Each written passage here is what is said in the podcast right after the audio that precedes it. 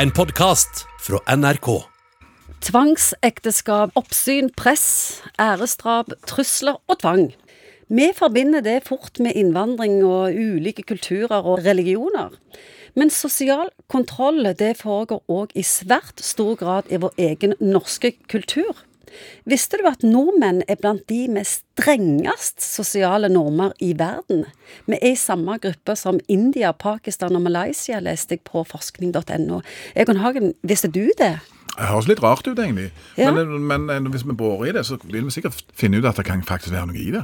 Ja, hvordan kan det ha seg at vi i Norge, vi liker å tro vi er så frie og uavhengige, vi er faktisk mest låst i hele verden i forhold til å stige ut av mønsteret? Det er jo en gjeng som kommer fra små bygdesamfunn og som har flytta inn til byene etter hvert. Og vi har kikket over gjerdet til naboen og hva naboen holder på med egentlig i alle år. Og det er jo ingen andre land i verden hvor ja, hvor alle sykler med hjelm, og mange som argumenterer veldig sterkt for å sette ned fartsgrensen på motorveien til, til 70 km i timen. Det er mange sånne ting som kanskje er litt spesielle i, i forhold til andre land. Det er kanskje en sånn prektighet så ja, Det er veldig strenge regler til hvordan du skal være en god mor eller god far i dette landet. og Trør du bitte litt utfor der, så er barnevernet på plass med en gang eller noe. Det er jo helt utenkelig å ta med seg unger på byen Nei, nei, i Norge. det- det- Hadde du våget å sykle som foreldre til skolen uten hjelm? Nei, det er akkurat de tingene der. Og, og klart at eh, Vi har jo opplevd med oss som har reist litt, grann, at i andre land så kan ungene være med ut på, på, på kafé, eller i England f.eks. Folk møtes ikke hjemme i det hele tatt. Alle går ut på pub, og, og ungene er med. Og klart at I en norsk kontekst ville vi sett på det som ganske problematisk. Jeg er sikker på at småbarnsforeldre kan fortelle mye om alle de kravene til økologi og mat. Og, Alt skal være perfekt. Alt skal være perfekt. Det er ikke nok at ungene kommer hjem fra skole, er ute og leker i gata. De skal gå på piano og kjøres hist og pist. Så det er et ganske regulert forventningspress som treffer de ulike generasjonene på ulike måter, for å si det sånn. Er det Bibel og status og posisjon eller penger? Så, hva er det som har gjort oss at, at vi har blitt det vi er blitt? Ja, dette kunne sikkert eh, kloke samfunnsforskere sagt mye om.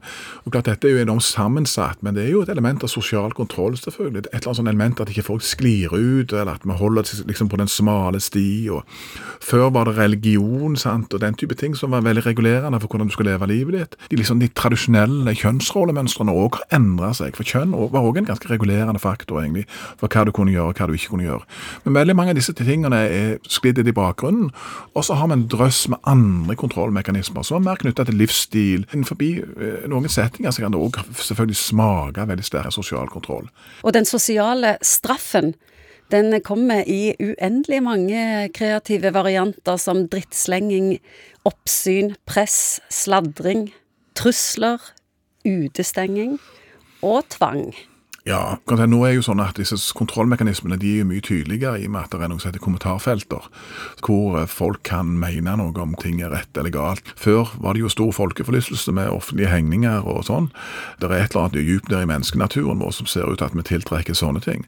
Nå er det liksom en bøddel med hvert tastatur egentlig, Ja. som da kan si alt han egentlig mener om at noen hadde gjort noe feil eller sagt noe feil. eller... Vi vil iallfall prøve å argumentere veldig sterkt for at folk må få lov å velge de livet som de ønsker, både i forhold til hva de spiser og ikke spiser. Vi vil ikke tilbake igjen til noe av det greiene med at det er noen som skal fortelle oss egentlig hva som er rett og hva som er galt. Ja, det er der vi er. Altså, når, jeg- vi ser på disse undersøkelsene og leser artikler, så virker vi nordmenn ufordragelige. Vi skal dissekere alt i livet inn til lov og rett og mønster.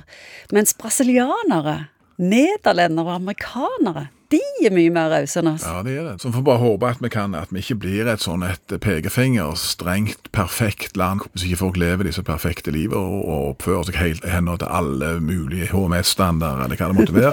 At man likevel kan se med vennlighet til hverandre. Være mer romslige for at liksom hver vi sitter, la folk få eh, Holde på. holde på, ja, og så passe på at vi ikke blir noen sånne kjipe, skal ha alt rett på, altså, som bare går rundt med pekefingeren, altså. Det blir ikke noe kult samfunn av det. Du har hørt en podkast fra NRK.